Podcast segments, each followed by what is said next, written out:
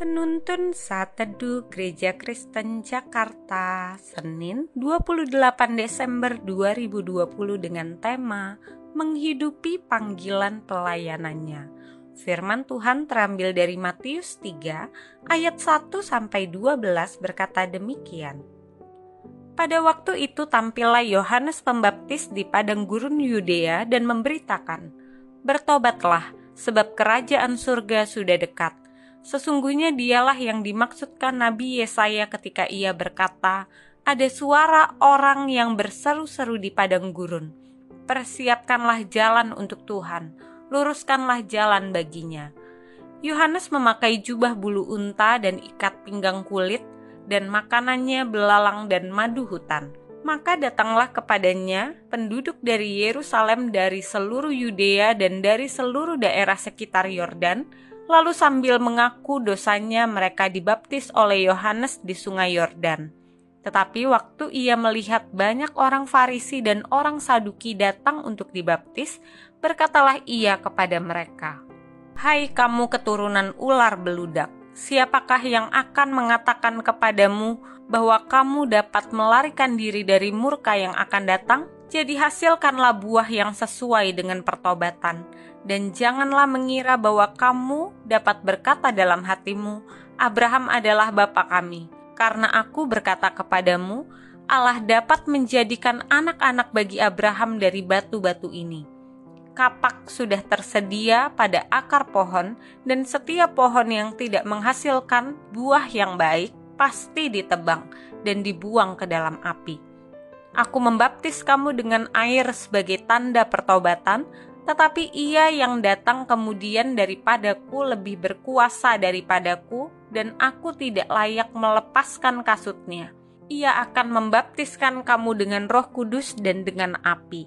Alat penampi sudah di tangannya. Ia akan membersihkan tempat pengirikannya dan mengumpulkan gandumnya ke dalam lumbung tetapi debu jerami itu akan dibakarnya dalam api yang tidak terpadamkan. John Stephen Aquari adalah pelari maraton asal Tanzania. Aquari mendapatkan anugerah National Hero Medal of Honor dari negaranya karena perjuangan heroiknya pada Olimpiade 1968 di Meksiko, di mana dalam perlombaan maraton tersebut ia terjatuh di kilometer 19 karena mengalami kram di kakinya dan tertubruk oleh sejumlah pelari yang ada di belakangnya. Sendi lututnya bergeser dan bahunya terluka. Tetapi Aquari tidak menyerah dan tetap melanjutkan lomba sampai garis finish, walaupun ia harus berlari dengan lutut di bebat kain.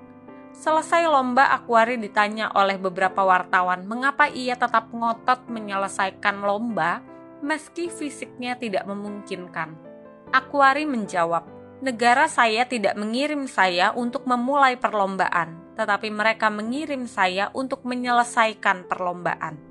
Panggilan pelayanan Yohanes Pembaptis adalah mempersiapkan jalan untuk Tuhan. Dalam pelayanannya, Yohanes berkhotbah bukan hanya sekedar memberikan wacana informatif, tetapi memanggil orang-orang untuk bertobat.